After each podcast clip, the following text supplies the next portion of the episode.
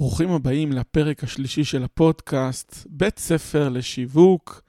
אז הנה אנחנו כמעט כבר אחרי החגים, והתחילה העונה של כל בעלי העסקים והחברות להניע את תקציבי השיווק שנותרו עד לסוף שנת 2022, וזה לא משנה אם זה 2022 או 2023 או 2024. הפרק הזה הוא פרק על זמני, והוא מדבר, הפעם אנחנו הולכים לדבר על התסכול וההנאה מצד שני, בכל הנושא של יצירת תוכן. אנחנו נשמע את הפתיח ותכף נתחיל. אז קדימה.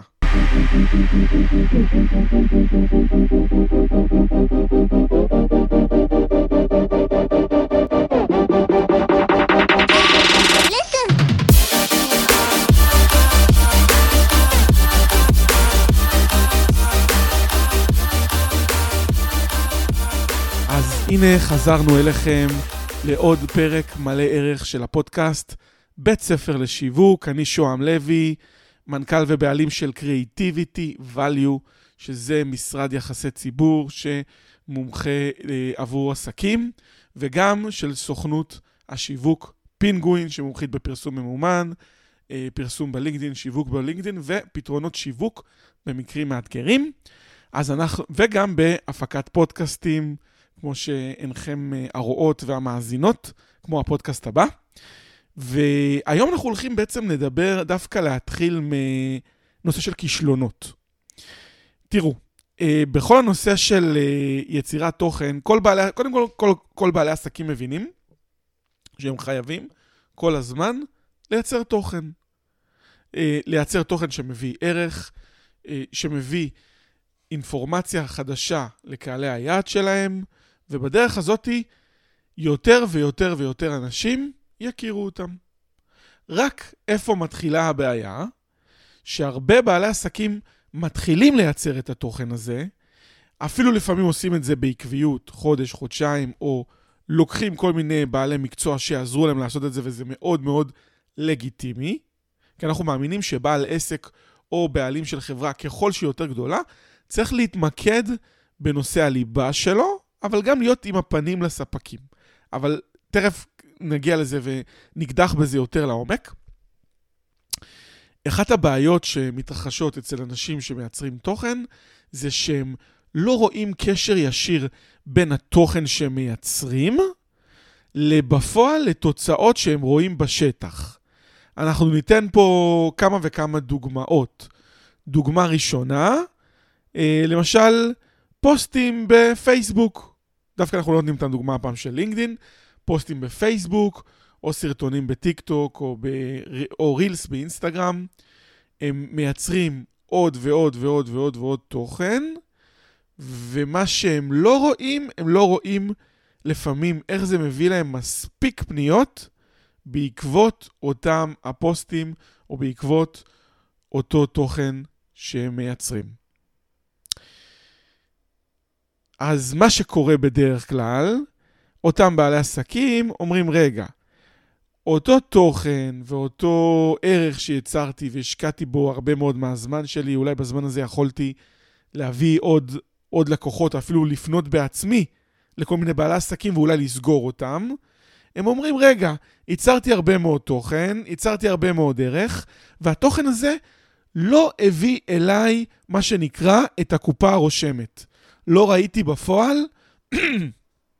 איך אותם פוסטים ואותם, אה, ואותו תוכן שייצרתי, איך הוא הגיע, ל, בא לידי ביטוי בשיווק ובהכנסות שלי. לא ראיתי את זה כבעל עסק. עכשיו, נסביר למה זו הטעות הראשונה, ומצד שני, גם נגיד, יש אחר, הרבה מאוד אחרים שאומרים, כן, בחרתי פלטפורמה מסוימת, ואותה פלטפורמה כן הביאה לי ערך, היא כן הביאה לי תועלת, ולכן אני מעוניין להתמיד בה. אז ברור שאם הפלטפורמה הביאה לכם ערך ופניות והכנסות בקופה הרושמת, ממש לא בלבולי מוח, אלא ממש אנשים שהפכו להיות לקוחות משלמים, אז ברור שאתם רוצים להשקיע בזה. אבל אה, מצד שני, אה, אנחנו אה, ניגע בנקודה של המצב שזה לא הביא לנו. אז קודם כל, סוגיה ראשונה, יכול להיות שהפלטפורמה שבחרתי לא פונה לקהל היעד שלי. אם דיברנו בפרק הקודם לקהלי היעד, אז אם שיווקתי ושיווקתי ולא שמעתי אפילו פעם אחת אה, ממישהו, כן, ראי, ראיתי איזה פוסט שלך, אה, שמעתי, כתבת, או, או מישהו, ש... אנשים שהגיבו באיזושהי צורה חיובית, או יצרו לייק, או פנו באופן פרטי, או כל דבר אחר. אם זה לא היה בכלל, בכלל, בכלל, והתחושת בטן שלכם אומרת, רגע, כנראה שאני עושה פה משהו לא נכון, אז הפתרון הראשון הוא לשנות פלטפורמה, או לשנות אה, צורה להצגת התוכן. זאת אומרת, זה, אם עכשיו, עד עכשיו בחרתי למשל בפוסטים, אז יכול להיות אה, מצב ראשון שנגיד למשל, העליתי פוסטים אבל לא הוספתי איזושהי תמונה, ועדיף כמובן תמונה שלי. אז תמונה זה משהו שיכול לייצר הרבה הרבה מאוד אה, אה, אה, תגובות ולהגביר את הערך של התוכן שלכם. עם כל הצער שבדבר, אתם יכולים לכתוב תוכן מצוין, אבל לא תהיה איזושהי תמונה רלוונטית או תמונה שמדברת לקהל היעד, אז יכול להיות שתרגישו שזה לא עובד. אוקיי, אה, מצב נוסף. יכול להיות שהדרך שבה אני מציג את התוכן היא לא הדרך הנכונה לאותו תוכן. זאת אומרת, למשל, יכול להיות שיש משהו שעדיף לי להציג בסרטון, והוא מאוד מאוד ויזואלי, ואם אני אכתוב אותו כטקסט, לא בדיוק יבינו אותו. אז במקרה הזה, אמ, אין, אין פלטפורמה אחת לכל סוגי, לכל סוגי התוכן. יכול להיות שיש לכם, אמ, אחת הבעיות והטעויות שעושים, זה לוקחים את אותו תוכן ומשכפלים אותו as is לכל הפלטפורמות. ברור שבאינסטגרם ובטיק טוק עדיף לי להציג את זה ברילס. כמו שעדיף באפליקציות פודקאסטים, שלא נציג בדיוק, אה, שלא נדבר על דברים שצריכים להמחיש ב, ברמת תצוגה, אלא דברים שהם יותר לאוזן השומעת, ואפשר ללמוד אותם תוך כדי שמיעה או תוך כדי עיסוק בעוד משהו. אז, אז טעות ראשונה, יכול להיות שהפלטפורמה לא מתאימה, אז המצב הראשון, אם, שלה, אם אתם בטוחים שהתוכן שלכם מאוד מאוד טוב, אז האפשרות הראשונה היא קודם כל להחליף את הפלטפורמה, לנסות דרך אחרת, לנסות לצלם את עצמכם, לנסות לדבר מול מצלמה. נכון, נכון, יש קושי אה, מאוד מאוד גדול, וזה איזשהו חסם שבעלי עסקים חייבים להתגבר עליו. נדבר על זה קדימה בפרקים הבאים, אבל בשתי, בשתי מילים, הדרך הראשונה להתגבר על זה היא להבין שלא עושים את הדברים, שאי אפשר לעשות את הדברים בצורה מושלמת. וצריך להתחיל לעשות את הדברים כדי ל- ללמוד תוך כדי. וגם אם בהתחלה יש צרצרים ובהתחלה לא הולך, צריך להתמיד ולהמשיך לייצר את התוכן גם הוויזואלי הזה. אה, אפשרות נוספת וטעות קלאסית שהרבה בעלי עסקים עושים, הם מייצרים את התוכן רק לרשתות החברתיות ורק לפלטפורמות כמו יוטיוב, או, או, או כל מיני, או אפשר גם להגיד גם פודקאסט, או, או כל דבר אחר, והם לא מייצרים את זה לאתר האינטרנט שלהם. נכון, זה דורש הרבה מאוד זמן לכתיבה, לניסוח, למחשבה, לבחירת התמונה, ליצירת לינקים, לבחירת מילות מפתח. מילות מפתח זה הדבר הכי הכי חשוב כשאתם מעלים איזשהו מאמר לאתר שלכם. כשאתם לא מעלים את המאמרים ואת התוכן לאתר שלכם, אתם מפסידים את כל הנושא של החיפוש האורגני. אז הנה, למשל, בואו ניקח לדוגמה, נגיד ייצרתם את זה כסרטון, או ייצרתם את זה כפודקאסט, או ברשת החברתית, ברשת החברתית יהיה לכם הכי קל לשכפל את זה כמאמר באתר שלכם. נכון, תידרשו קצת זמן בשביל לערוך, בשביל לכתוב, בשביל uh, לסגנן טיפה, אבל זה הרבה פחות מלהעלות את הפוסט בפעם הראשונה. אז אחרי שאתם בוחרים איזושהי מילת מפתח, ואיך תדעו בשתי דקות איך uh, לבחור מילת מפתח נכונה, נניח שאין לכם כלים מאוד מאוד מורכבים של מילות מפתח שעולים כסף, פשוט תבדקו אם על המילת מפתח הזאתי אנשים שמו מודעות בגוגל. ואיך אתם עושים את זה? זו בדיקה של שתי דקות.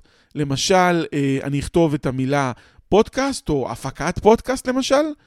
אם אני אכתוב את המילה הפקת פודקאסט, כנראה שיעלו לי מודעות של אנשים שזו הפרנסה שלהם, שהם רוצים להפיק פודקאסט.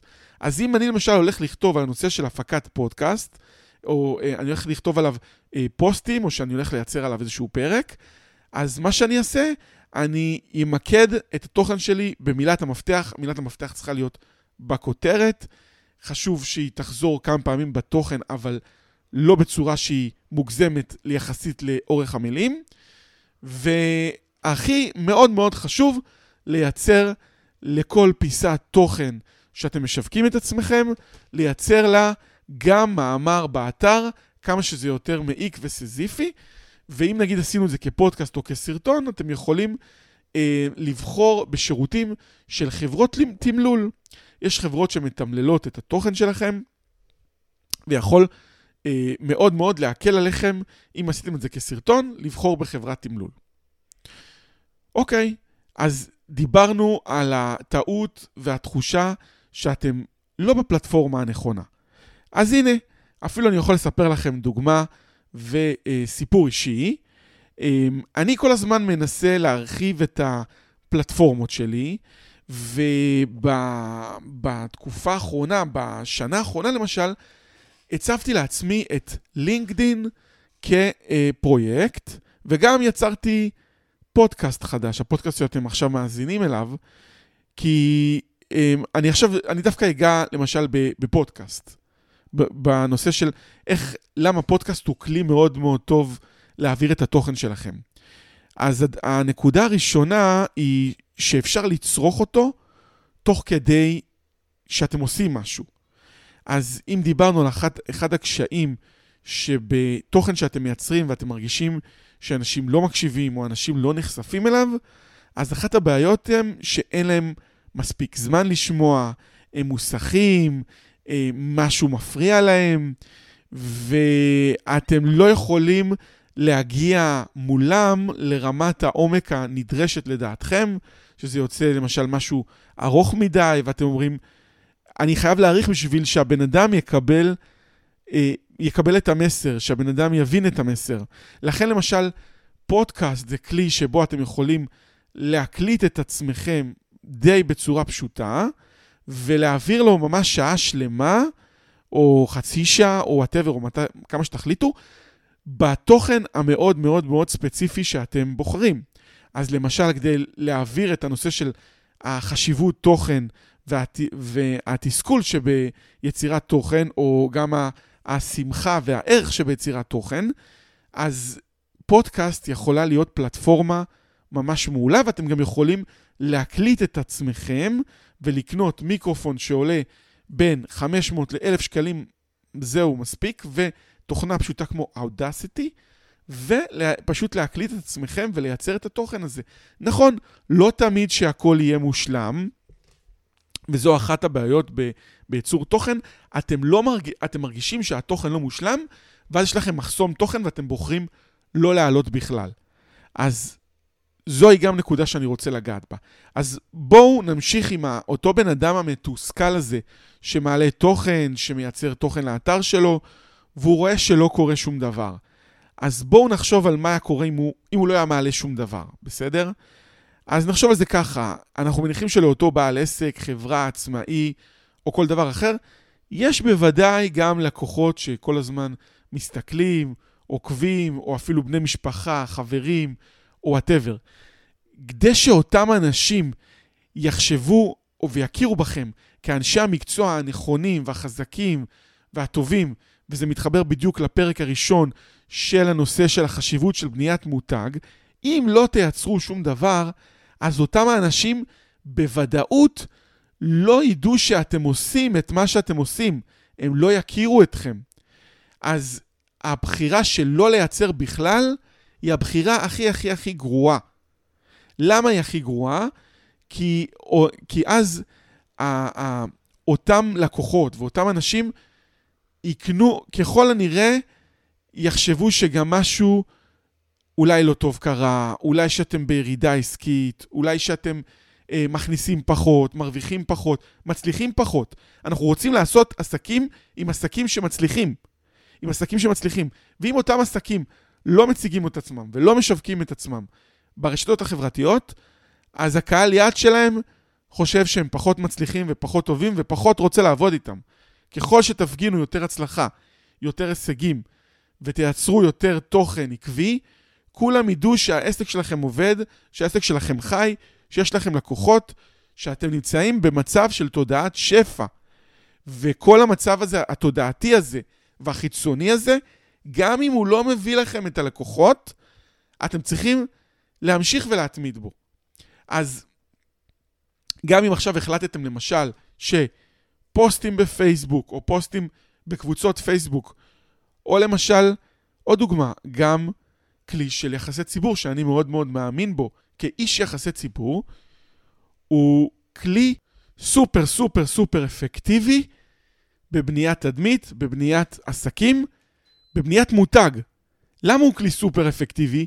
כי ברגע שאני שומע על חברה X שעשתה עסקה מסוימת עם חברת Y, אני יודע שהמצב העסקים של אותה חברה אה, הוא מאוד מאוד טוב, כי החברה הזאת סוגרת לקוחות חדשים, מכניסה לקוחות חדשים, אה, אה, עושה עסקאות, מכניסה עוד כסף, וגם כל קהל היעד שומע ולומד בכלל מה החברה הזאת עושה.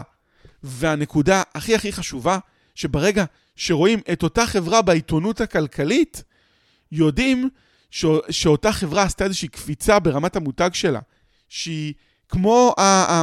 שהיא ממש עסק כבר גדול, עסק שמופיע בעיתונים, באתרים ובכל המדיות המשמעותיות, וגם כשהעיתונות רואה בו כמומחה. הרי לא כל אחד יכול להיכנס לעיתונות האורגנית, העיתונות ה... ה... המסורתית וה... והדיגיטלית והפודקאסטים, לא כל אחד, הרי יש איזה שהם אמצעי סינון מסוימים, שזה לא כמו ברשתות החברתיות. אז אם למשל החלטתם שלמשל פייסבוק, אה, לינקדין, טוויטר, אינסטגרם, באתר, כל הדברים האלה לא עובדים לכם, אתם יכולים ממש לנסות כלי של יחסי ציבור. נכון, הריטיינרים הם בין כמה אלפי שקלים וגם לפעמים יותר מעשרת אלפים שקלים בחודש, לא נשקר ולא נגיד סתם, אבל ברגע שמדובר כבר בעסקים גדולים של 2, 3, 10 ו-20 ו-30 ו-40 ו-50 עובדים, יש פה סוגיה מאוד מאוד מהותית של מה כותבים עליכם ומה אומרים עליכם באותה עיתונות, והיום עסקים יכולים להגיע, יכולים להגיע לעיתונות, יכולים להגיע אה, להתראיין בפודקאסטים. ברגע שיש משרד יחסי ציבור שעושה ודוחף ומקדם, ואפשר לשלב גם את העולמות האלה של רשתות חברתיות עם כתבה שכתבו עליכם, או עם מאמר שאתם כתבתם לעיתונות הכלכלית. והקומבינציה הזאת לפעמים היא הכלי שהכי הכי הכי עובד. תחשבו שתשתפו עם, עם החברים שלכם והעוקבים שלכם בפייסבוק, פעם ראשונה שפרסמו מאמר שלכם, אה, למשל באתר כמו גלובס, או שכתבו עליכם כתבה של עסק ביום, גם אם, גם אם אתם עסק אה, קטן, באתר כמו גלובס, תחשבו איזו גאווה, משפחה, חברים, מכרים, אפילו קולגות, אנשים שיש להם את התודעת שפע, יפרגנו לכם ויגידו לכם איזה יופי, אה, איזה הישג, כמה, אה, איזה, איזו כתבה מעניינת.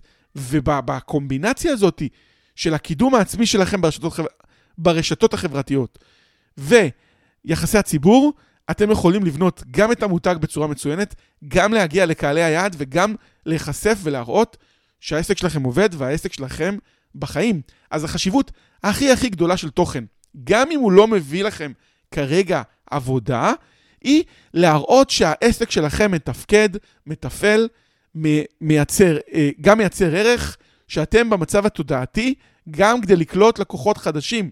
שאם מישהו רוצה, נגיד, להפנות אליכם לקוחות חדשים, מישהו שרוצה לעבוד איתכם, הוא הולך ובודק מה עשיתם ברשתות החברתיות. איך נראה האתר שלכם, איך אתם נראים, איך אתם משווקים את עצמכם, באיזה מצב תודעתי אתם נמצאים. אז אתם לא יכולים להרשות לעצמכם לא לייצר תוכן בכלל. בין אם תיקחו איש מקצוע או לא תיקחו איש מקצוע, אתם חייבים להקדיש שעה, שעתיים, שלוש בשבוע לכל הנושא של יצירת תוכן. עכשיו בואו נחשוב מה קורה אם התוכן שלכם דווקא עובד. איך אתם יכולים עוד יותר למנף את זה? אז uh, תראו, זה מאוד משן, זה מאוד תלוי במה הגודל של העסק שלכם. עכשיו דווקא נתחיל בדוגמה של עסק שהוא מאוד מאוד גדול. תראו, האינטואיציה הרגילה ב, אמ, בפייסבוק, בפרסום בפייסבוק, פרסום ממומן, בפרסום ב, בלינקדין, באינסטגרם או, או גם ביוטיוב, היא לבוא ולייצר תוכן שיביא לי לקוחות חדשים. אז רגע, אז אני חושב שנייה, אם, אם, אני, אם אני יודע שהתוכן שלי ב, בעמוד הפייסבוק הפרטי או, או העסקי, או, או, או אפילו פוסטים בפייסבוק העסקי, אמ, כן ראיתי את הקופה הרושמת, כן ראיתי שהמחוג זז, כן ראיתי שזה השפיע, אז השאלה הראשונה היא, למה לא לשים אפילו כמה מאות שקלים בחודש כדי לקדם עוד יותר את התוכן הזה ולהגיע להרבה יותר אנשים? כנראה שהתוכן הזה גורם למעורבות, גורם לחשיפה, גורם לעניין. אז פה אני מדבר איתכם גם על לקדם תוכן שהוא לא פרסומי, מודעות שהמטרה שלהם לא להביא לכם עכשיו לידים.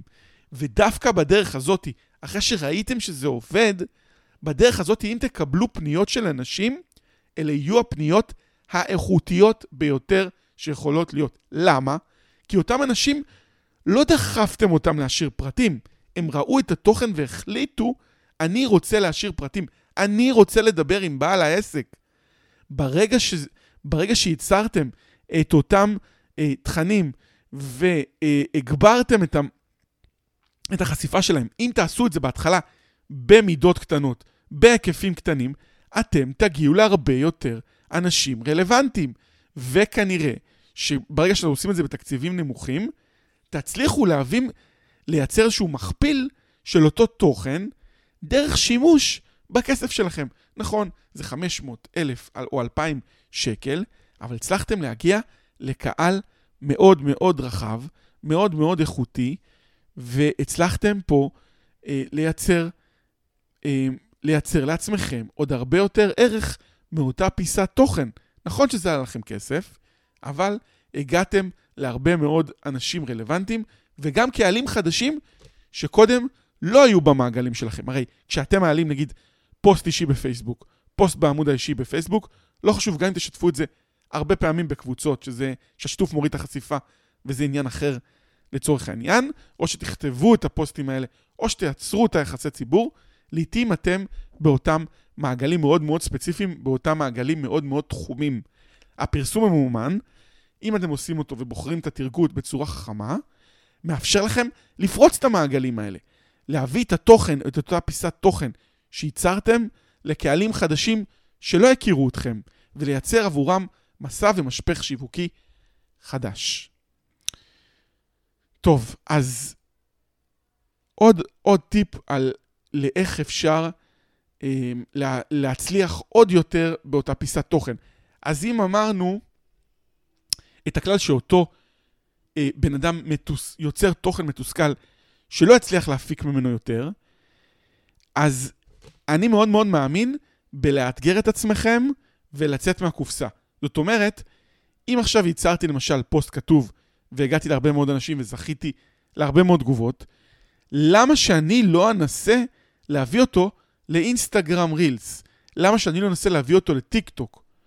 ובמקומות האלה שאתם תביאו אותו למקומות חדשים, אתם שוב מצליחים להגיע לקהלים חדשים, והפתעה, פה אתם לא שמים כסף על, כרגע, בהתחלה, על הפרסום ממומן, אתם יכולים לשים בהמשך.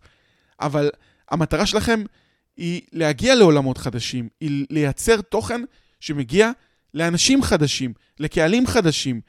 כי הדבר האחרון שאתם רוצים זה שלקוחות ישמעו עליכם בפעם הראשונה כשאתם עושים איזשהו פרסום, או שמישהו אה, נתן את הטלפון שלכם למישהו, נגיד אתם בשיווק, רוב השיווק שלכם הוא מפה לאוזן, תרצו תמיד את העוד רגל התומכת הזאת של כן, שמעתי עליו, כן, אני מכיר אותו, כן, קראתי את הכתבה, כן, קראתי את הפוסט עליו.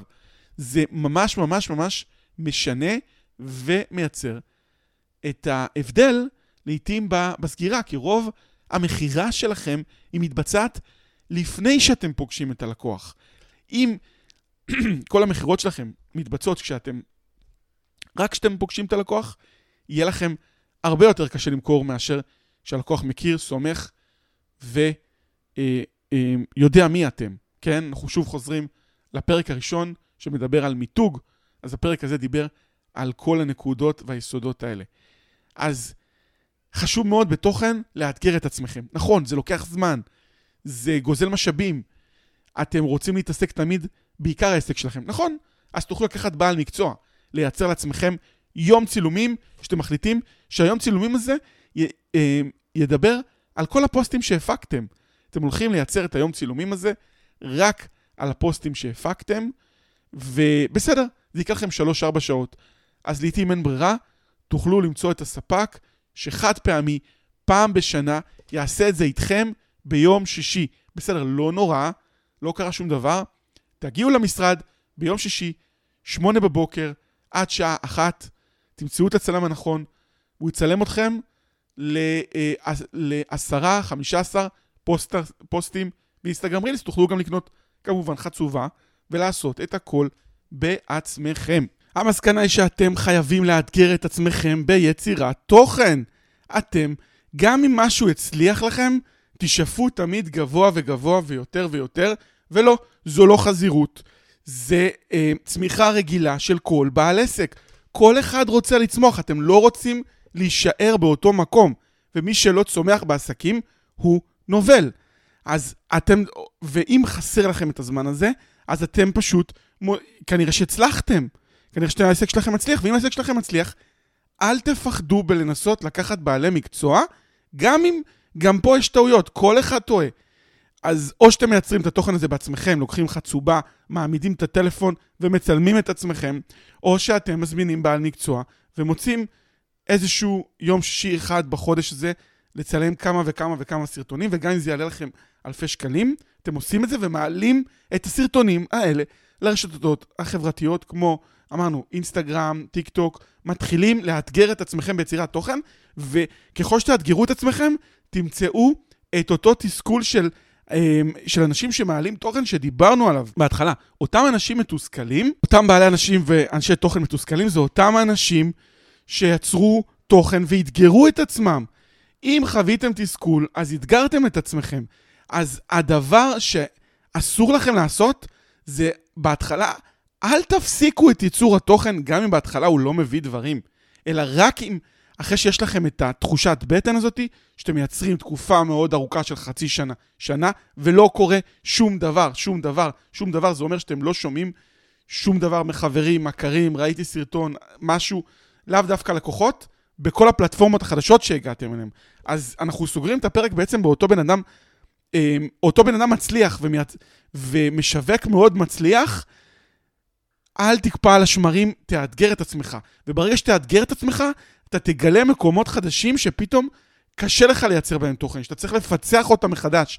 והתהליך הזה יגרום לך לעוד מחשבה, לעוד חשיבה, לעוד שפע, לעוד תודעה, לעוד התקדמות. זו, חבר'ה, זו השורה התחתונה של הפרק שלנו. כיוצרי תוכן, בעלי עסקים, אתם חייבים כל הזמן לאתגר את עצמכם בתוכן חדש שאתם מייצרים לפלטפורמות חדשות. תמשיכו את מה שאתם עושים בפלטפורמות הקיימות, אבל תחשבו איך אתם מייצרים לעצמכם הפצה יותר טובה. בדיוק כמו שאני למשל עושה עם הפודקאסט הזה. אני מרגיש שהתוכן שלי לא מגיע למספיק אנשים שאני רוצה, ואני מייצר אותו בפלטפורמה חדשה שנקראת פודקאסט. אז למשל, גם אתם יכולים להתחיל להפיק פודקאסט. והדרך הפחות מומלצת, אבל הפשוטה שהרבה מאוד מתחילים בה, זה פשוט לעשות את ההקלטות האלה בזום, למרות שאפשר לייצר אותו גם במיקרופון. אז אני עכשיו גם מאתגר את עצמי בפודקאסט חדש, אחרי שהרבה מאוד זמן שאני מפיק אותו לאנשים בהצלחה רבה מאוד, אבל אני בטוח שאני אצליח, כי אני אצור עשרות רבות של פרקים, וכנראה שמאות פרקים, ובסוף התוכן שלי יגיע ויעניין את קהל היעד שלי. אז כמוני, כמוכם, אני מאחל לכם בהצלחה, מאחל לכם שנה עברית מעולה. תצליחו בעסקים, תצליחו בשיווק, תמיד שפע, ויאללה, ביי, נתראה בפרק הבא של בית ספר לשיווק. אני שוהם לוי, מנכ"ל ובעלים של Creativity Value ושל סוכנות הדיגיטל הפינגווין. אני מאחל לכם המון שפע, המון הצלחה, ולהתראות בפרק הבא.